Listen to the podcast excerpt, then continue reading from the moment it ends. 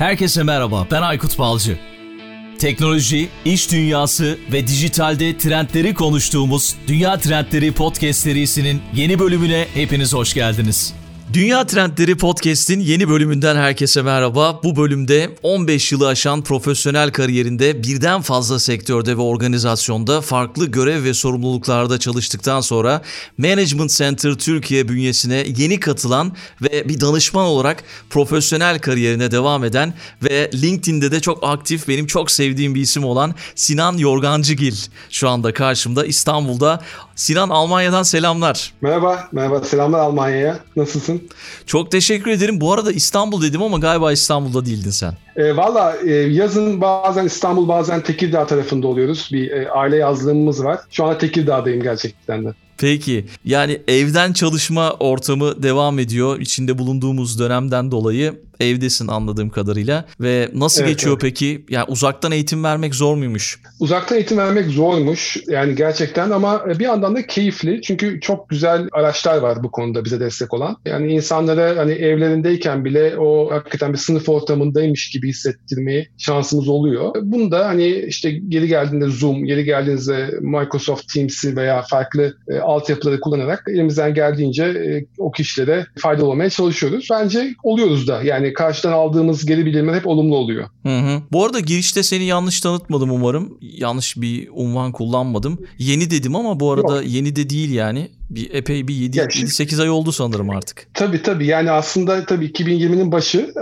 ama 2020 tabii herkes için çok farklı bir yıl oldu. Yani benim açımdan her ne kadar hani 15 yıllık bir kariyerden sonra olduğu için hala yeni ünvanını kullanabiliriz. E, ama benim beklentim tabii ki çok daha hızlı başlamaktı ama maalesef benim işte Mart gibi sahaya çıkmayı düşündüğüm dönemde sahaya Covid çıkınca benim açımdan tabii ki herkeste olduğu gibi birazcık gecikme oldu. E, ama tabii bu dönemi de demin de bahsettiğim gibi değerlendirdim değerlendirdim. Yani bir yandan bol bol okudum, bir yandan bol bol yazdım. LinkedIn bu konuda benim için iyi bir mecra oldu. E, orayı ağırlık olarak kullandım e, görüşlerimi paylaşmak için. E, oradan da güzel dönüşler de oldu. Çok güzel bir, bir, bir network oluşturma şansım oldu. Hı hı. E, bir yandan da şimdi eğitimler de başladı. Birazcık normalleşmeyle beraber. İki, ikisi bir anda e, gidiyor gayet de güzel keyifli gidiyor. Yani kendi adıma da bu Covid döneminde artılardan biri podcast'e başlamış olmam ve onun dışında LinkedIn'de çok fazla zaman geçiriyorum ve senin gibi değerli birini de tanımış olmam benim için artı. Çok güzel paylaşımlar yapıyorsun ve gerçekten de başka başka güzel paylaşımlar yapanlar var. Onları da tanımış oldum bu dönemde.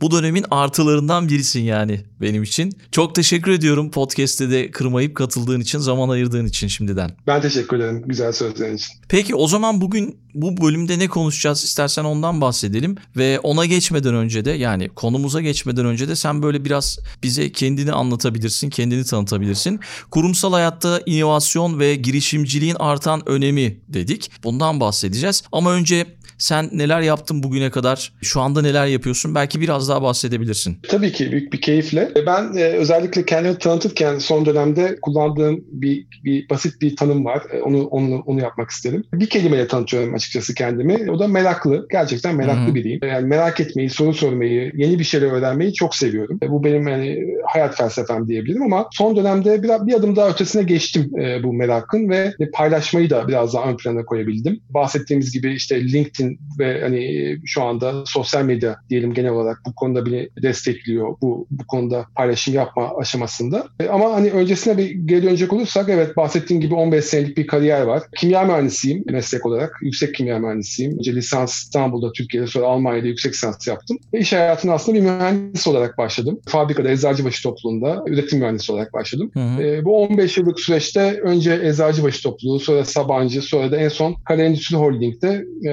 önce üretim, sonra ARGE, sonra iş geliştirme, strateji, pazarlama, ürün yönetimi gibi farklı e, departmanlarda farklı roller üstlendim ama inovasyon özellikle ve girişimcilik, kurum içi girişimcilikte diyebiliriz. 2008'den beri hayatımda ilk olarak Eczacıbaşı topluluğunda o ilk başlayan Mavi Okyanus stratejisinin e, yayılması dalgasında ilk ekipteydim. E, orada onu öğrendim ve o günden beri de hayatın önemli bir kısmı inovasyon oldu. Yani hem o şirkette hem Eczacıbaşı topluluğunda hem sonraki şirketlerimde hep inovasyon inovasyonla iç içe oldum. İnovasyon takımları kurdum, inovasyon kulüpleri kurdum. Bunların gelişmesinde, e, şirkete fayda sağlamasında roller üstlendim. E, şimdi de yeni görevimde, yeni yeni kariyerimde diyelim, danışmanlık kariyerimde bunun eğitimlerini vermeye çalışıyorum. Bu konuda bir farkındalık yaratmaya çalışıyorum firmalara. Hı hı. Ee, ve hani sadece bu değil, hani danışmanlığı yaptığım birçok farklı dal var ama hani inovasyon gerçekten de en keyifle anlattığım konudan bir tanesi. Hı hı. İnovasyon geçtiğimiz belki 7-8 yılın hatta daha fazla hatta belki içinde bulunduğumuz 10 yılında moda sözcüğü olmaya devam edecek gibime geliyor. Herkes onu çok ciddiye alıyor. Herkes onu çok iyi bildiğini iddia ediyor belki de.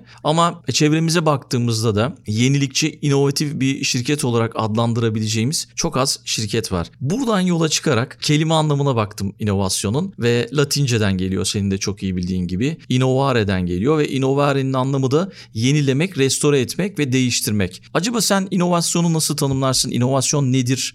Yaratıcı ve inovatif olmak bugün neden çok daha önemli? Çok güzel soru. E, girişi yaptın. Dediğin gibi kelime anlamına baktığımız zaman bir yani yenilik var içerisinde bir değiştirme var. E, sen de söyledin. Hı hı. E, bunu aslında hani en kitabi tanımını Oslo Kılavuzu yap, yapıyor. E, Oslo Kılavuzu'nun çok uzun bir cümlesi var. İçerisinde senin de bahsettiğin kelimeler var ama daha böyle ne diyeyim halk dili mi diyeyim yoksa daha kolay akılda kalacak bir tanım mı diyeyim bilmiyorum ama benim ve birçok hani bu konuya kafa yoran kişinin kullandığı üç kelimelik bir tanım var. O da değer yaratan yenilik. Hmm. E, değer yaratma burada altın çizdiğimiz aslında iki kelime. Yani bir yenilik olabilir ama eğer bir değere dönüşmüyorsa bu hem e, şirketler açısından hem kişiler açısından e, veya toplum açısından bunun bir değeri olmuyor. E, bir etkisi de olmuyor. Özetle hani yenilik evet ama değer yaratması lazım. Bu üründe olabilir, e, süreçte olabilir, bir pazarlama yönteminde olabilir veya bir organizasyonun yönetiminde olabilir. Farklı alanlarda olabilir ama temel nokta dediğim gibi değer yaratması bu yeniliğin. Bu da tabii ki bu konuya kafa yoran kişilere, bu konuya hakikaten emek vermiş kişilere de referans göstermek bence çok doğru. Hani belki klasik olacak ama Steve Jobs'un söylediği bir uzun bir tanımın yine ben bir kısmını çok kullanıyorum inovasyonu tanımlarken. O da yaratıcılık bir takım şeyleri birbirine bağlamaktan ibarettir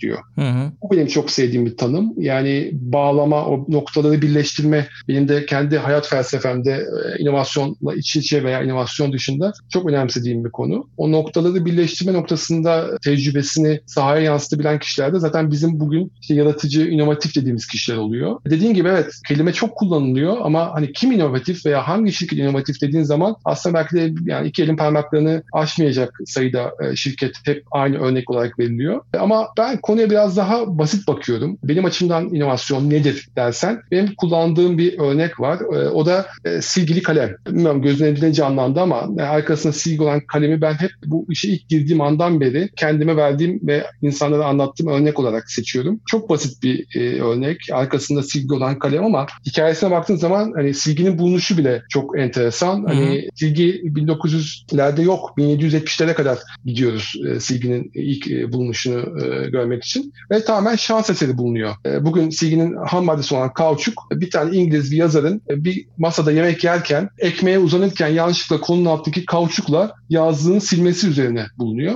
Bu arada niye ekmek ekmeğe uzanıyor diyecek olursan silgi öncesinde insanlar Ekmek. yazdıklarını ekmekle silerlermiş. Ha. Nemli ekmekle silerlermiş. Yani silgi tamamen şans eseri bulunuyor. Ee, üzerinden bir 90 yıl daha geçince şu sorunu insanlar çözebiliyor. Yani bu silgi kayboluyor. Bu silgiyi kaybolup kaybolmasını nasıl engelleyebiliriz? Böyle bir ihtiyaç var. E, kalemin arkasına koysak silginin kaybolma ihtimali azalır mı? Evet azalır. İlk defa 1858'de Amerika'da yine bir kişi bunun patentini alıyor ve arkasına silgi koyduğu kalemle birçok insanın ben de dahil olmak üzere hayatını kolaylaştırıyor. Bu bir inovasyon bakacak olursan. Yani bir değer yaratıyor mu? Yaratıyor. O yüzden böyle bir inovasyon biz kafamızda böyle bazen hep böyle işte Tesla ile veya Apple'la birleştiriyoruz. Böyle çok teknolojik olması lazım. Hı hı. Uzaya gitmesi lazım gibi ama aslında çok hayat içinden çok kolay, gözümüzün önünde olan ve hayatımızı kolaylaştıran örnekler de var. İlkokulda biliyorsun biz boynumuza asıyorduk bazen o yuvarlak silgileri, ortası delik silgileri. O da bir inovasyon olabilir belki. Biz öyle çözmüştük olayı. doğru doğru. Bu noktada istiyorsan birkaç örnek daha verebilirim. Hani Olur. E, inovasyonla ilgili hani Olur. hoşuma giden ve hani ihtiyaca bağlayabileceğimiz. Örneğin hani çok belki bilinmiyordur ama ilk kredi kartının bulunması yine Amerikalı bu Diners Club e, kredi kartını sonradan keşfedecek olan kişinin bir restoranda parasını sürekli unutması üzerine ya bir şey olsa da ben bu para unutma işinden kurtulsam üzerinden çıkmış ilk kredi kartı. Keza ATM de öyle. Hani hepimizin hayatında da bilmiyorum eşiniz gelirken şu para çekmeyi unutma der E, ama düşünsenize ATM yok. Bankalarla sizin çalışma mesai saatleriniz aynı. E, Bu bundan muzdarip bir kişi diyor ki ya bir ATM denilen bir şey olsa da ben banka kapalıyken bile para çekebilsem. Hı hı. bunun, üzerine, bunun üzerine bulunmuş. Bu da yine enteresan. E, belki sonrasında da konuşuruz. E, inovasyon hep biz sanki hep o sektörün içerisinden çıkacakmış gibi düşünüyoruz ama ilk ATM'nin aslında e, fikri çikolata otomatı üzerinden çıkıyor. Yani çikolata otomatı kopyalanarak Hmm. bulunmuş ilk ATM. O yüzden hani günümüzde artık içerisinde, içerisinde bulunduğumuz sektörlerden çok dışarıdaki sektörlerden esinlenme ve onlardan e, yeni fikirler bulma çok çok daha ön plana çıktı diye düşünüyorum. Anladım. Burada bulunduğum benim şu anda yaşadığım şehirde ATM bulamıyoruz ya bu arada. İlginç yani. En çok o en çok o ilgimi çekti. Yani tabii İstanbul'la karşılaştırmak ne kadar doğru? İstanbul'da her adım başı neredeyse her sokakta ATM var. Ama burada yani bir ATM'ye ulaşmak için en az bir 3-4 kilometre gitmemiz gerekiyor. Enteresan Yani geldi Almanya'da, Al- Almanya'da yüksek lisans yaptığım dönemde ben de özellikle yani Almanların bankacılık sistemi konusunda bayağı şaşkınlığa uğramıştım. Bilmiyorum şu anda kredi kartı kullanma ne, aşamada ama ben o zaman yüksek lisans yaparken kredi kartı yoktu. Yani bizim banka kart dediğimiz banka kartları kullanılıyordu. İşte dediğin gibi bankadan para çekiyordun. İşte ATM vardı, yoktu değildi ama mesela kredi kartı konusunda hiç bizim kadar ileri değillerdi veya işte online bankacılık sistemleri konusunda. Bazı noktalarda hakikaten biz çok daha öndeyiz bence de. Aynen inanılmaz gerçekten. Geçenlerde eşimin e, internet bankacılığı hesabını gördüm. O güne kadar bakmamıştım yani burada hesabım olmadığı için. Yani bizim 2005'lerde kullandığımız internet bankacılığı arayüzünü şu anda onlar öyle kullanıyor. Ama Doğru. bunu da şöyle açıklamışlardı. Hani buradaki işte bu gizlilik yasalarından dolayı ilerleyemiyoruz gibi bir şey demişlerdi. Bu arada kredi kartı konusunda hala kredi kartı kullanmıyorlar. Banka kartı kullanıyorlar. Yani çoğu Evet. kredi kartı kullanmıyor. Sadece tatillere gittikleri zaman kullanıyorlar. Doğru. Evet evet.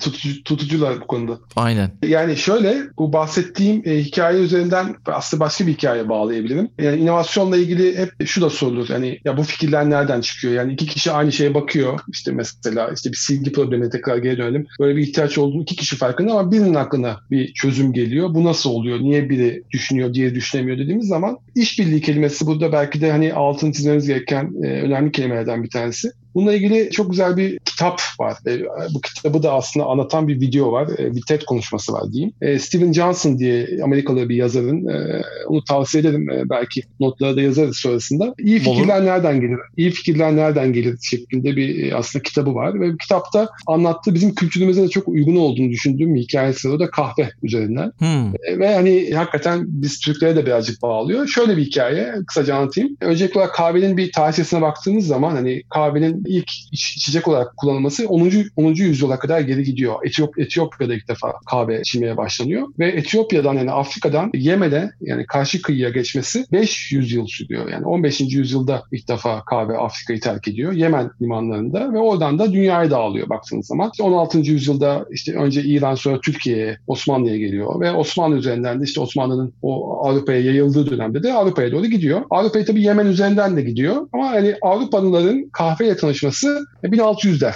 kabaca. Hı hı. Hatta şöyle bir hikaye var çok enteresan. Bunu Müslüman içkisi, Müs- Müslüman içeceği olarak algılıyorlar ve Papa o zaman diyor ki yok diyor bu ben bunu kabul etmiyorum diyor. Bu Müslüman içeceğidir diyor. Bizim açımızdan caiz değildir diyor işte Papa ne diyorsa o dönem. Hı hı. Sonra ama 1600'de Papa 13. Clement kahve içiyor. Yani içiyorlar. Diyorlar ki böyle bir içecek. İçiyor ve bayılıyor. Diyor ki yani bu, bu Müslümanlara bırakılmayacak kadar güzel bir şey. Bir şekilde bunu bizim almamız lazım diyor ve vaftiz ediyor kahveyi. Allah Ee, ve kahve vaftiz olarak e, Avrupalıların mutfağına giriyor 1600'den sonra. Uzatmayayım. Johnson'ın, bu Steven Johnson'ın anlattığı hikaye aslında ilk kahvehane ile alakalı. 1645'te ilk olarak Venedik'te ilk kahvehane açılıyor. İngiltere'de ise 1652'de. Sonra bu kahvehane kültürü özellikle işte birbirini tanımayan insanların bir araya geldiği, işte fikirlerini paylaştığı, dertlerini anlattığı bir ne diyelim işte hani bir proje takımı mantığında işte birinin fikrinin diğerinin üzerine e, başka bir fikir getirdiği, oradan "Aa, acaba şöyle mi yapsak dediği ve ve özellikle o 1600-1700'lerde İngiltere'deki o aydınlanma yolculuğunda ve sonrasında sanayi devriminin çıkışında bu kahvehanelerin çok önemli olduğu söyleniyor ve bu kahvehane kültüründe aslında bu işbirliği kültürünün altını çizdiği bir e, kültür olduğunu anlatıyor. Çok çok doğru, çok çok da güzel bir hikaye bence. Hı hı. E, ve onu o işbirliği kültürü baktığımız zaman işte 1700'lerden bahsediyoruz, 1600'lerden bahsediyoruz. Bugün geldik 2020'ye ve işte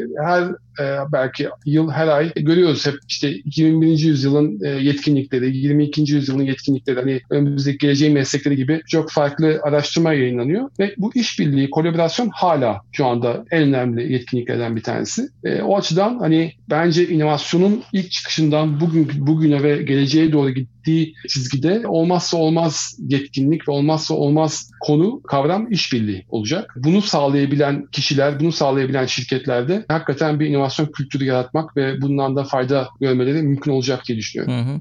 Benzer hikayeyi Altı Bardak'ta Dünya Tarihi diye bir kitapta yanlış hatırlamıyorsam okumuştum. İşte orada kahvenin hikayesini anlatıyordu. Senin önerdiğin kitabı da koyarız açıklama kısmına. Buradan şey çıkıyor aslında kahve bahane sözü belki de buradan çıkıyor. Yani orada kahvede toplanmak, tartışmak, işte bir şeyleri konuşmak o dönem bayağı bir önemliymiş o, o zamanki dönem için. Gerçekten şey ilginç yani bir, bir katkıda daha bulunayım bu konuda. Özellikle son dönemde bu hani evlerden çalıştığımız dönemde farkındaysan çok fazla araştırma yapılıyor. İşte iş yerinin nesini özlüyoruz? İş yerinde olmamak bize ne hmm. kaybettiriyor ve ne kazandırıyor? Dikkat edersen hep böyle bir o kahve molaları geçiyor. Yani ya anketlerde ya işte sonuçlarda. Hani insanlar evet ofislerini özlüyor. Çünkü hani hakikaten orada bir kültür vardı, bir ofis kültürü vardı, çalışma kültürü vardı. Ama belki de en çok özlenen konu o kahve molalarında bir araya gelmek. İşte farklı departmanlarda insanların bir araya gelmesi, işte o an günlük dertler konuşurken bile aslında bir fikirler ortaya çıkartmak ve hakikaten inovasyon kültürünü beslemek. O yüzden dediğim gibi o kahve bahane şirketler için de geçerli. Hı hı. Silikon Vadisi diye bir dizi var Netflix'te. İzledim mi bilmiyorum. Orada evet, da evet. genelde böyle fikirler işte hep böyle bir şeyler içerken ortaya çıkıyordu. Bir şey e, 3-4 e, girişimci sohbet ederken yani tabii o bir film ama yani yine de hani gerçeği yansıtan bir şeydi. Hep fikirler böyle ya yemek yerken ya işte ne bileyim bir şey içerken çıkıyordu. O da doğru. doğru. Senin tespitinde çok doğru bence yani. Doğru, doğru. Yani kahve molalarında farklı fikirlerin ortaya çıktığını söyledin. Yaratıcılığın kaynakları nelerdir? Biraz belki bunlardan bahsedebilirsin bize. Evet yani demin işte bu işbirliği yaratıcılığı besleyen aslında bir etkinlik. Ama önce bir fikrin oluşması lazım veya bu fikrin bir tabii ki de bir çıkış noktası gerekiyor bu yaratıcı fikrin. Ee, burada da hani çok fazla aslında bu konuya eğilmiş e, yazı, işte makale, kitap veya film, video var. E, bunlar hani üzerinde belki saatlerce konuşabiliriz ama ben burada kendime referans noktası olarak bu bizim çağımızın e, en önemli iş insanlarından, iş düşünürlerinden, fikir liderlerinden Peter Drucker'ın makalesini hep alıyorum. Peter Drucker'ın inovasyon disiplini adını verdiği bir makale var. Burada 7 tane farklı kaynaktan bahsediyor. Yani yeni fikirlerin, yaratıcılığın ortaya çıktığı. Yani hepsinin üzerinden teker teker geçmeyeceğim ama özellikle iki tanesi bence hani özellikle içerisinde bulunduğumuz şu anki bu e, Covid dönemini de çok e, kapsıyor. Bunlardan bir tanesi bu sektör ve pazar değişimleri. Yani işte diyoruz ya yeni normal diyoruz. Hani her şey farklı olacak, hiçbir şey eskisi gibi olmayacak noktasında. Hı hı. Burada e, aslında bu yeni bir konu değil. Yani bunu buna uyanan firmalar vardı. Yani bu işte e, disruptive innovation denilen işte bozucu inovasyon, yıkıcı inovasyon konusu veya işte mevcut iş modelini baştan tanımlama konusu aslında yeni bir konu değil. Konuşmanın başında da bahsettiğim Mavi Okyanus stratejisi aslında bunun üzerine kurulmuş bir metottu. Yani içerisinde bulunduğun sektörün kurallarını boz ve mümkün olduğu kadar dışarıdaki benzer veya farklı sektörlerden beslen ve yeni bir kendine oyun alanı yarat üzerine kurulmuş bir e, stratejiydi. İsminin de Mavi Okyanus olmasının zaten sebebi buydu. Hı hı. Yani işte kan içerisindeki kızıl e, köpek balıklarının olduğu okyanustan çık, kendine masmavi yepyeni yelkenliğinle sonsuz bir mesafede baş başka geminin olmadığı, başka bir rekabetin olmadığı bir yolculuğa çık e, mantığıydı. Buradaki önemli örneklerden bir tanesi bizim e, ülkemize de gelen Cirque du Soleil hikayesi aslında. Hı hı. Bilmiyorum biliyor musun ama 1980'lerde e, özellikle Amerika'da sirk sektörü inanılmaz bir rekabet içerisinde ve hedef kitle çocuklar ağırlıkla ve tabii hayvanların çok ön planda olduğu bir gösteri. Cirque du Soleil sahibi e, diyor ki yani bu bizim yaşayabileceğimiz bir rekabet değil artık. Bu da çünkü hani, hiçbir para kazanma şansımız yok. Sürekli yeni e, sirkler geliyor ve kendisine yeni bir çizgi buluyor ve diyor ki ben Silk'i baştan tanımlayacağım diyor. Temelde yaptığı üç şey var. E, bunlardan bir tanesi hedef kitlesini baştan tanımlıyor. Diyor ki ben diyor çocukları hedeflemeyeceğim. E, ödeme gücü yüksek yetişkinleri hedefleyecek bir Silk bulmam lazım, kurmam lazım diyor. Hmm. İkincisi diyor ki hayvanlar yok diyor. Ben hayvan koymayacağım diyor. Hayvan zaten o dönem işte biraz e, hayvanseverlik de biraz daha yavaş yavaş özellikle Amerika'da, Batı, Batı dünyasında ön plana çıkmaya başlamış. Hayvanları tamamen şovdan çıkartıyor. Akrobatların, cambazların daha ön planda oldu. Ve üçüncüsü diyor ki ben alternatif endüstrilerden ne öğrenebilirim? Çünkü o zamana kadar sirk dediğin şey bir çadır, rahatsız sandalye, sıcak, klimasız bir ortam. Yani o da yetişkinlerin zaten e, mutsuz olduğu bir ortam. E, diyor ki ben diyor Broadway şovlarında veya işte operada insanlar ne konforda izliyorsa bunu kendi şovuma alacağım diyor ve Cirque du Soleil doğuyor. Ve gerçekten de işte aradan geçen 40 senede dünyanın belki de en başarılı organizasyonlardan bir tanesi. İşte Las Vegas'ından tut da Çin'e, Avrupa'daki birçok genel birçok merkezde ve turne halinde sayısız gösteriler. Çok başarılılar. Fakat tabii ki bahsettiğim hikayenin içerisinde bir de şöyle enteresan bir durum var. Evet Cirque du Soleil çok başarılı oluyor ama bu bahsettiğim kendi iş modelini sürekli gözden geçirme ve gerekiyorsa bunu kendi kendine yıkma döngüsüne biraz geç giriyor. Ee, bilmiyorum yakın zamanda haberini okudun mu? Ama şu anda çok büyük bir krizde Cirque Soleil. Geçen sene Türkiye'ye gelmişti evet. sanırım. E, geliyor dönem dönem. Ben dönem dönem geliyor izledim. evet. Türkiye'de izledim yani ama yani ağırlıklı sürekli show yaptıkları e, ülkeler var veya şehirler var diye mesela Las Vegas'ta aynı anda 4-5 tane show dönüyor. Çin'de yine uzak doğuda vesaire. Bir de turne halinde olan bir ekibi var. Bize turne halinde olan ekip geliyor e, dediğim hmm. gibi. Neyse sonuçta evet çok güzel bir iş modeli ama bir virüs çıktığı zaman insanlar tiyatroya gidemediği zaman işte kapalı alanlara gidemediği zaman alternatif olmayan bir iş modeli. O yüzden kendisini böyle bir farklı e, noktadan da desteklemediği için bu iş modelini şu anda büyük bir krizde ve geçtiğimiz iki hafta önce sanıyorum bir haber çıktı. İşte 1 milyar doların üzerinde borcu sebebiyle iflas başvurusunda bulundu. Bu da şunu örnek olarak bana getiriyor. Yani evet Cirque du Soleil'in iş modeli o zaman için hakikaten çok inovatifti ve çok başarılı oldu ama yolda bu iş modelini sürekli güncellemesi gerekiyordu. Bunu yapmadığı için bugün zorlanıyor. Yani tek bir iş modeline tutunmak sonsuza kadar başarılı olacağını düşünmek de aslında maalesef birazcık hayal kırıklığına sebebiyet veriyor. Hı-hı. Bunu çok iyi yapan bir örnek de istersen Walt Disney. Bugün baktığın zaman Walt Disney biz ne olarak biliyoruz? Bir film stüdyosu olarak biliyoruz. Ama Walt Disney'in aynı anda işte tema parkları var. Walt Disney'in otelleri var. Walt Disney'in gemileri var. Ee, ve işte Hı-hı. son dönemde de Netflix'e e, alternatif Disney Plus e, platformu Evet, Disney Plus platformunu Hı-hı. çıkarttılar. Hani ne kadar yumurtaları aslında sepetten ayırırsan e, bu tarz krizlerde etkilenme riskin de azalıyor. O yüzden böyle bir örnek bence çok da doğru. İkinci bir örnek de yine Drucker'ın e, verdiği örnek beklenmedik başarı veya başarısızlıktan da çıkıyor diyor inovasyon. E, bu da bence çok kıymetli çünkü biz hep e, başarı hikayeleri duymaya alışığızdır ya inovasyonla ilgili işte.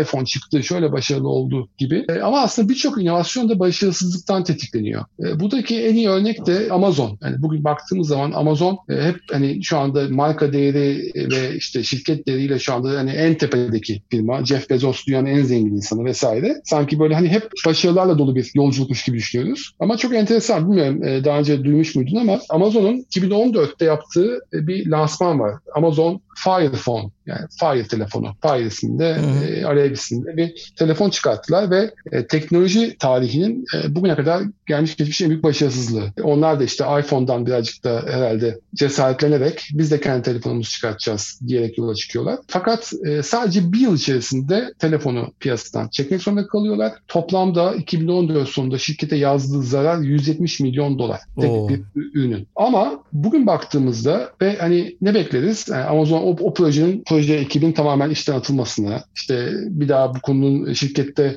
konuşulmamasını değil mi? Sanki böyle hani bu böyle bir başarısızlığın üzerinin ölçülmesini bekliyoruz. Bugün Jeff Bezos bu hikayeyi aslında her yerde anlatıyor. Ve Amazon Fire'dan ne kadar öğrendiklerini anlatıyor. Ve bu arada projenin başındaki adamı da kovmuyorlar. Yani o da hala Amazon'da çalışıyor. Ve Amazon Fire'daki hatalarından ve aynı zamanda tabii ki doğru yaptıklarından e, bugün işte Amazon Echo, Amazon Alexa'nın Alexa var evet. Doğru, Alexa'nın doğumu oluyor. Yani bu platformlar, bu teknolojiler Fire Phone'daki e, hem başarıları hem de başarısızlıkları üzerinde oluşuyor. O yüzden de şu şu şekilde yani e, söylüyor Jeff Bezos hani Fire Phone bizim tarihimizdeki en önemli başarısızlıktır diyor. Yani bu da çok çok önemli. Özellikle şirketlerin kültür olarak başarısızlığı veya hatayı nasıl e, algıladıkları. Çünkü o şirketlerin ne kadar inovatif olduğunu birebir etkileyen bir kavram. Benzer bir örnek Google Glass. Bilmem hatırlar mısın?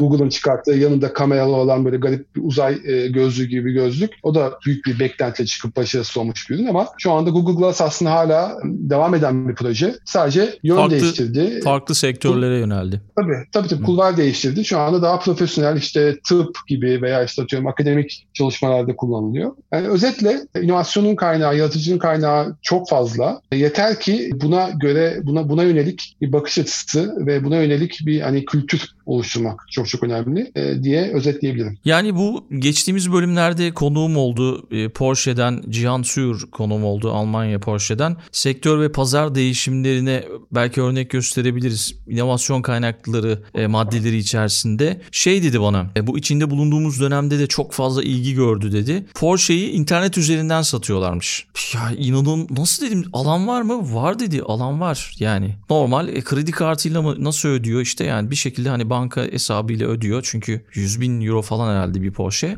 Enteresan geldi bana yani. Yani bu tabii şeye girer mi bilmiyorum da sektör ve pazar değişimlerine. inovasyona girmez tabii bu ama yani. Şöyle girer aslında biliyor musun? Ee, şöyle e, yani çok farklı raporlar var bu konuda bu arada. Hani inovasyon tipleri, türleri diye. Yani kaynaklarını konuştuk. Aslında bir de bir özellikle sanıyorum geçen hafta e, onu da okumuştum ve hatta LinkedIn'den de paylaştım. E, Doblin isimli bir firma var. Bu Deloitte firmasına ait bir araştırma firması. Hı hı. Bunlar tarih boyunca gerçekleşen 2000'den fazla inovasyon örneğini inceliyorlar. Ve diyorlar ki bunlar temelde 3 ana kategoride ve 10 tane de alt başlık halinde birleştirilebilir diyorlar. Yani hani 3 ana kategori dediğim nedir? Bir tanesi işte biçimlendirme, bir tanesi sunuş, nasıl sunulduğu. Üçüncüsü de deneyim. E, bunların alt başlıkları dediğim gibi 10 tane ama senin verdiğin o Porsche örneği aslında deneyime giriyor. Deneyimde de bir özellikle müşteri bağlılığı dediğimiz bir kısım var. Hani bu da mesela benim hep aklımdaki örnek Lego'dur. Lego'nun o müşteriye verdiği o e, bağlılık. İnternetten keza aynı şekilde Lego'nun da e, setlerini e, sen yaratabiliyorsun. Eğer çok mesela ilgin çeken bir karakter varsa bir film veya kitap karakteri onu Lego'ya gönderiyorsun. Lego bunu puanlıyor, e, anketi açıyor. Yıl sonunda en çok puanı alan karakterlerin e, oyuncaklarını yapıyor.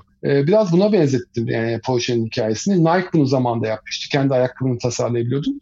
Ee, bu aslında dediğim gibi o deneyim, müşteri, müşteri bağlı ve müşteri deneyimi tarafında bir inovasyon örneği, bir pazarlama inovasyon örneği baştan söylediğimiz gibi. O yüzden çok çok doğru bir örnek oldu. Teşekkürler. Hı hı, rica ederim. Peki şey biraz şeyden, kültürden bahsettik. Kurumsal inovasyon kültürü nasıl oluşturulur? Belki buna geçebiliriz. Çünkü geçtiğimiz günlerde bir yerde okumuştum. Eğer şirketin kültürüne uyumlu değilse dünyanın en iyi stratejisinin bile başarılı olması mümkün değildir gibi bir şey okumuştum. Evet. Çünkü her stratejinin %1'i planlama, %99'u her gün alınan kararlardan oluşturulur gibi bir, bir şeydi yanlış hatırlamıyorsam. Belki bundan kültürden bahsedebiliriz biraz. Evet evet çok güzel bir giriş yaptın. O söylediğin söz bana direkt Peter Drucker'ın çok ünlü bir sözü var kültür stratejiyi kahvaltıda yer diye. Hmm, ee, kültür strateji kahvaltı niyetine yer evet. evet evet. Yani Drucker'dan devam etmiş olduk. Kültür gerçekten de çok önemli. İnovasyon kültürü de o anlamda çok önemli. İnovasyon kültürünü eğer oturtabilirseniz gerçekten işiniz gerisi kolay. Ama inovasyon kültürünü oturtmak da çok zor. Burada dediğim gibi birkaç hani örnek vermek lazım belki. Hani Amazon belki yurt dışı örneği çok bizim için biraz uzak geliyor ama demin verdiğim örnekte hani o Fire Phone operasyonun başındaki kişiyi kovmaması bile Amazon'un bu bir kültür göstergesi. Yani çünkü orada hatayı hatayı kabullenme olduğunu görüyoruz. Bugün işte e, Silicon Valley işte Silikon Vadisi'nin bugünlere gelmesinde temelde hata yapmayı bir e, kötü bir şey olarak değil tam tersine bir tecrübe kazanmak ve bunun üzerine koyarak ilerlemek olarak görmenin büyük bir e, etkisi var. E, bu perspektiften baktığımız zaman inovasyon kültürü için benim kullandığım akılda kalan bir bir model var. Bu iş modeli kanvasının e, yaratıcısı Alex Osterwalder diye İsviçreli bir adam var. Ben bu adamın çalışmalarını çok e, beğeniyorum. E, çok da takip ediyorum. Hı hı. Alex'in Dave Gray ile beraber oluşturduğu bir inovasyon kültür haritası var. Bu üç boyutlu bir harita. Bu üç boyutun birincisi liderlik desteği. Yani liderliğin bu konuya ne kadar önem verdiği, yani bu inovasyon kültürüne. İkincisi organizasyonel tasarım. Yani organizasyonun bunu ne kadar desteklediği. Bu ünvanlarla olabilir, organizasyonun yapısıyla olabilir vesaire, iş tanımlarıyla olabilir. Üçüncüsü de uygulamalar, inovasyonun uygulamaları. Yani inovasyon uygulamaları için ne kadar kaynak ayırdığın, işte bunun için ne kadar para harcadığın, ne kadar zaman ayırdığın ve hangi süreçleri inovasyonla alakalı yenilediğin. Bu üç boyutu gerçekten de hani hakkını vererek ön plan çıkartan firmalar inovasyon kültürü oluşturabiliyor. E, Türkiye'de aslında iyi örnekler var yani yok değil. Eczacıbaşı topluluğu bunun için iyi bir örnek. Benim de bahsettiğim gibi ilk inovasyona tanışmam 2008-2009'larda Eczacıbaşı'nda oldu. E, sonrasında Arçelik bunun için özellikle kurum içi girişimcilik, kurumsal girişimcilik anlamında çok çok başarılı. Borusan Holding keza e, inovasyona yıllardan beri büyük emek veriyor. Hı hı. Yine, yine güncel bir örnekte Kastamonu Entegre'yi verebilirim. Bununla alakalı hatta dün bir tane webinar dinledim, izledim. Orada Hüseyin Güler var. Konuya çok kafa, Tomorrow'da, kafa yoruyor. değil mi? Evet, e, Tomorrow'da. Hı. Evet, e, yani özetle örneklerimiz var. Sayısının artması lazım kesinlikle. Ama yavaş yavaş bu ekosistem oluştukça e, işte LinkedIn gibi, işte bahsettiğim Tomorrow gibi platformlar bu bu konuda e, kafa yoran, üzerine emek veren kişileri birleştirdikçe, şirketlerle işte üniversiteler, açık inovasyon platformlarına bir araya geldikçe aslında hani bu kültürde yavaş yavaş oluşacak diye düşünüyorum. Hı hı. İnovasyon yapan şirketleri söylemen çok iyi oldu. Çünkü girişte ben birazcık böyle belki haksızlık etmiş olabilirim şirketlere. inovasyon yapan şirket çok az falan dedim ama e, umarım kimse e, kırılmaz. Ama yani gerçekleri söylemiş oldum bir nevi. Çünkü geçenlerde yine inovasyon konusunu konuşacağımız için araştırma yaparken e, bir blogda bir örnek verilmiş. İşte şöyle diyor e, danışman kişi geçenlerde ziyaret ettiğim bir şirketin yöneticileri bana web sitelerini güncelleyerek inovasyon yapacaklarını söylediler. Ben de onlara şöyle bir şey sordum. Tam olarak nasıl yapacaksınız bunu? Ve kimse sağlam bir yanıt veremedi bana demiş. Ve o da şöyle demiş eğer şirketinizin web sitesini güncellemenin yenilikçi olduğunu düşünüyorsanız vay halinize e, yeniliklere yol açmak için, yıkıcı bir şey yapmak için size kolay gelsin diye bir cevap vermiş. Buradan da şuna geçebiliriz belki. Kurumlarda kullanılan güncel inovasyon metotları neler? Yani tam olarak herkes böyle web sitesini güncelleyip inovasyon yapacağını mı düşünüyor bu örnekte olduğu gibi? İnşallah düşünmüyordur ama e, güzel bir örnekmiş gerçekten. Ya, inovasyon evet kelime olarak biraz böyle e, ne diyelim kulağa böyle güzel geldiği için çok fazla insan belki de anlamını çok da düşünmeden veya bilmeden kullanıyor. Ve belki de temelde e, soruna gelecek olursak hani inovasyonun nasıl yapılacağı konusunda çok fazla bir bilgisi yok. E, ama biz çok şanslı bir jenerasyonuz aslında. İnovasyon başta konuştuk yeni bir kavram değil. E, o yüzden e, yıllar içerisinde inovasyonun hayata geçirilmesi için e, rakamsallaştırılması yapılması için, süreç, süreçlere aktarılması ve metotlarla desteklenmesi için çok farklı ve çok da hakikaten faydalı metotlar bulunmuş. Hı hı. Bugün bugün hani en güncel ve en çok kullanılan ve en çok faydası görülen metotlardan bahsetmek lazım belki. Bunlardan bir tanesi tasarım odaklı düşünme. Şu anda hani bence inovasyonla ilgili en en faydası görülen e, metotlardan bir tanesi bu. Bunun çıkış noktası da böyle Amerika'da özellikle inovasyon öncesi, öncesinde tasarım konusunda çok odaklanmış IDEO diye bir firma var. IDEO diye de okunabiliyor. Hı hı. Ben biraz daha Türk IDEO diye okuyorum. Bu firmanın özellikle üzerine çok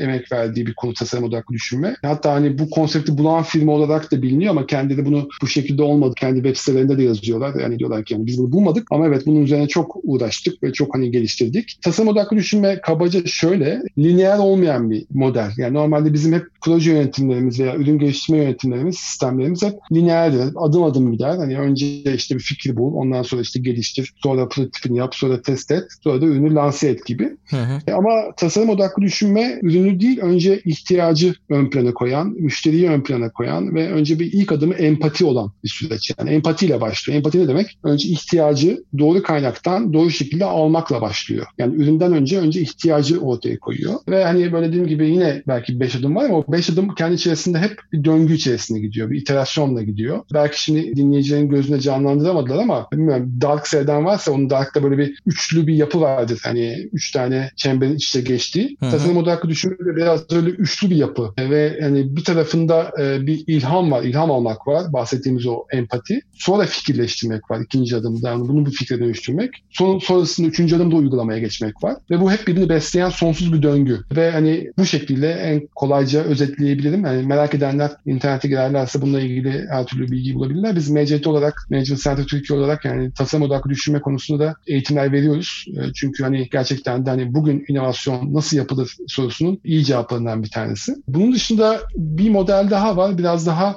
kurumsal belki de veya işte startuplara veya kurum içi girişimciliğe yönelik diyebilirim. Bu da demin bahsettiğim e, Alexander Osterwalder'in geliştirdiği iş modeli kanvası modeli. Bu da böyle yani Amerikalılar one pager derler ya tek sayfada bütün resmi görmek üzerine kurgulanmış bir model. Bir sayfada 9 tane farklı bölümde bir ürünün veya bir iş modelinin en temel özelliklerini, en temel diyelim e, kavramlarını kağıda dökebiliyorsunuz.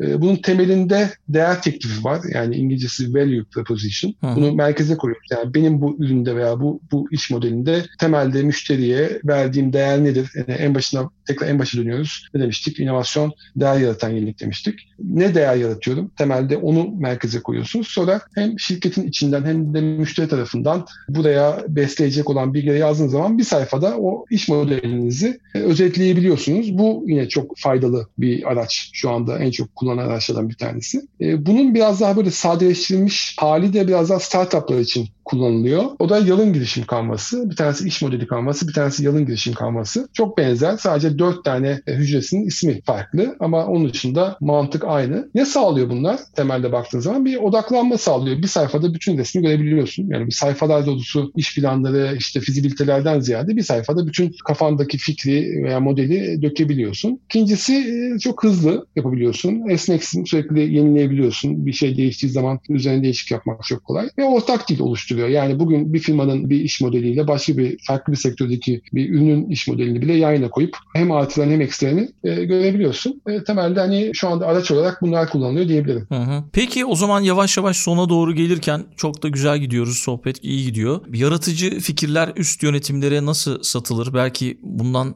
bahsedebiliriz biraz. E, bu aslında çok çok kritik bir konu. Sona kalması bir yandan iyi bir yandan kötü. Çünkü özellikle bunu ben çok görüyorum. Yani çok güzel fikir var ama fikri satamıyoruz. E, çünkü hani fikre o kadar aşık oluyoruz ki, fikre o kadar odaklanıyoruz ki onu nasıl anlatacağımız konusu, e, nasıl satacağımız konusu veya diyelim eğer bu bir şirketse veya bir yatırımcıysa biraz geri planda kalabiliyor. E, bunun da e, aslında çok kolay olmayan ama basit bir yine yöntemi var. O da hikayeleştirme. Hikayeleştirme e, günümüzün belki de en önemli yetkinlik etkinliklerinden bir tanesi haline geldi. E, hem özel hayatımızda hem iş hayatımızda hani aklımızdaki fikri, aklımızdaki e, görüşü bir hikaye anlamında, bir hikaye şeklinde karşı tarafa aktarabiliyor muyuz? Bununla ilgili çok güzel bir söz var. İnsanlar ne söylediğinizi veya ne yaptığınızı unuturlar ama ona, onlara ne hissettirdiğinizi unutmazlar diyor. E, o yüzden o unutmamayı sağlamak için onlara bir his geçirmek için bir hikayeleştirme çok önemli. E, ve o yüzden de hani hikayeleştirmenin de aslında arkasında matematik var. Yani kişisel olmak, duyguları katmak, anekdotlar kullanmak, eylem çağrısı yapmak gibi böyle bir dörtlü bir yapısı var. Benim e, çok e, sevdiğim ve kullandığım bir model. Hani örnek vermek gerekirse hani kişisel olmak ne demek? Hani bir cümleye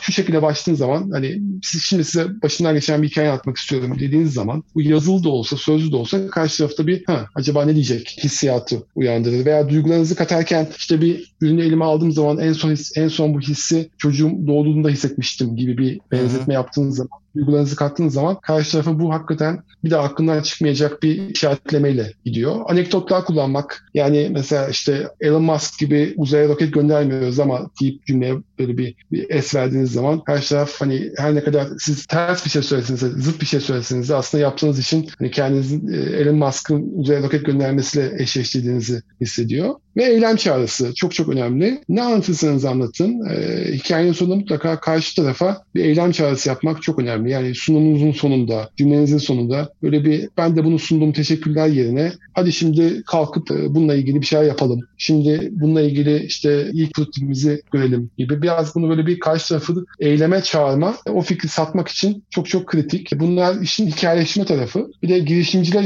açısından hani bunu nasıl e, kağıda dökeriz dediğiniz zaman da Guy Kawasaki diye bir adam var. E, bu Hı-hı. eski Apple çalışanı. Onu da çok takip ediyorum. Çok enteresan, çok da farklı görüşleri olan bir adam. Onun bir modeli var. Onu tavsiye ederim. E, 10-20-30 diye. Hı hı. E, 10 sayfayı geçmeyin diyor sunumda, bir yatırımcı sunumunda fikrinizi satarken. 20 dakikayı aşmayın ve kullandığınız fontlarda 30'dan düşük olmasın. Böyle bir modeli var. Zaten 30 fonttan düşük olmayan bir PowerPoint sunumu takdir edebilirsin, takdir edersin ki kelime sayısı da az. O ağırlıklı görsellerin ön planda olduğu bir sunum haline geliyor. Bu 10-20-30 metodunu kullanarak da fikirlerinizi rahatlıkla karşı tarafa e, aktarabileceğinizi düşünüyorum. Hı hı. E, bir de şey galiba arka plan siyah yazılar beyaz olacak. Bunun bir yazılı bir kuralı yok. E, mümkün olduğu kadar farklı tarzda bir slayttan bir slayda geçerken e, farklı ama dikkat çekici e, sunumlar daha da önemli. Ama senin söylediğin şey yine Apple'ın sunumlarını bana hatırlattı. Apple genelde bu tarz sunumlar tercih ediyor. Siyah background üzerinde dediğin gibi büyük görseller ve beyaz rakamlar. Evet iyi bir model ama dediğim gibi orada aslında önemli olan o tek düzelikten insanları çıkartmak. Hep arka arkaya aynı işte şirket şablonu üzerinden giden sunumlardan ziyade bir tane belki dediğim gibi siyah background, arkasından bir video, arkasından işte belki sadece bir fotoğraf, hiçbir yazı olmayan bir slide. Karşı tarafın hani sürekli acaba şimdi ne gelecek? Arkasındaki slide'da ne farklı bir şey göreceğim siyahı uyandırdığı için ilgiyi her zaman sunumda ve fikirde tutuyor. Vallahi çok güzel bilgiler aldık. Sinan çok teşekkür ediyoruz sana. Bizi dinleyenler de çok çok bence yararlandılar e, doyurucu bir podcast oldu yine. Akıcı bir podcast oldu. Ve kapatmadan önce belki bir kitap önerisinde bulunursun bize. Son zamanlarda çok okuduğunu biliyorum. LinkedIn'den takip ediyorum seni ama böyle ee, bir seçim yapsan. Şöyle kitap önerisinde bulunacağım. Belki de benim hani e, inovasyonla ilk tanışma hikayemden bahsederken Mavi Okyanus stratejisinden bahsettim. En az onun kadar beni etkileyen bir kitap var. 10 ee, inovasyon emri diye. Tom Kelly bu bahsettiğim IDEO firmasının kurucularından birisi. Eski bir kitap ama e, inovasyonla ilgili hakikaten hani böyle bir fikir sahibi olmak isteyenlerin mutlaka okuması gerektiğini düşündüğüm bir kitap. E, onu önerebilirim. Bir de farklı bir şey yapayım. Ben biraz podcast önereyim. E, özellikle son dönemde Olur. sen de dahil olmak üzere çok fazla podcast dinliyorum bu konularda ve hakikaten çok besleniyorum. Çok çok da faydalı olduğunu düşünüyorum podcastlerin. Yabancı dilleri varsa Innovation Show diye bir podcast önereyim. Çok çok e, faydalı. Bir de No Stupid Questions diye bir podcast var. Başta söylemiştim meraklı bir insanım soru sormayı seviyorum. Biraz da bunun üzerine No Stupid Questions yani aptal soru yoktur isminde olan bir podcast hakikaten e, kapanış içinde uygun olur diye düşünüyorum. Peki Sinan bir de podcast süreleriyle ilgili ben geçenlerde LinkedIn'de bir anket düzenledim. Onunla ilgili senin bir tespitin var. Belki ondan da bahsedebilirsin. Bunu aşabiliriz yani süre konusunu diye. Çoğu insan bilmiyor galiba bunu. Yani 40 dakikanın benim için bir önemi yok çünkü ben hızlandırıyorum gibi bir şey demiştin. O öneriyi de söylersen şöyle, belki podcast çok, dinleyenlere çok fazla, faydalı olur. Evet evet çok fazla podcast dinleyince tabii ufak ufak şeyler çıkartmaya başlıyorsun. Hani kısa yollar e, bulmaya başlıyorsun bilgisayar oyunlarında olduğu gibi. Ben hızlandırıyorum. Yani hiçbir podcast'i e, normal hızında dinlemiyorum açıkçası. Burada da hem Türkçe hem yabancı podcastlerde bir hız e, limitin farkı tabii ki. Yani yabancı dilde bu kadar hızlı dinleyemiyorum ama Türkçelerde ağırlıklı hani çarpı bir buçuk bazen çarpı iki dinlediğim oluyor. E, o zaman hala konsantre olabiliyorum ve dinleyebiliyorum, anlayabiliyorum anlayabiliyorum dinlediğimi. E, yabancı podcastlerde de o kişinin aksanına bağlı olarak ve hani konuğun da bazen aksanına bağlı olarak yani ya 1.2 çarpı ya da 1.5 hızla dinlediğim zaman o bahsettiğim gibi o 40 dakikalık podcastler biraz daha kısalıyor ve hani belki de bir podcast dinleyeceğim e, sürede iki podcast dinleme şansım oluyor. Bunu da e, dinleyicilere öneririm. Vallahi çok teşekkür ediyoruz. Kapatırken şöyle bir şey söyleyeyim var olan bir problemi çözen akılcı ve yaratıcı inovasyonlar sayesinde hayatımız kolaylaşıyor ve daha yaşanılır bir hale geliyor. Her geçen günde yenisiyle karşılaştığımız inovasyonlar şaşırtmaya ve girişimci ruhlu insanlara ilham vermeye devam ediyor. Sen de bize ilham verdin. Çok çok teşekkür ediyoruz. Çok sağ ol Aykut. O zaman kapatıyoruz bölümü. Tamamdır. Dünya Trendleri Podcast serisinin bu bölümünün sonuna geldik. www.dünyatrendleri.com Twitter'da @dünya_trendleri, Instagram'da dünya.trendleri adreslerinden Dünya Trendleri Podcast'i takip edebilirsiniz. Unutmayın önerileriniz ve merak ettikleriniz içinse info gmail.com adresinden mail atabilirsiniz. Bu bölümü dinlediğiniz için çok teşekkürler. Yeni bölümde tekrar buluşmak üzere.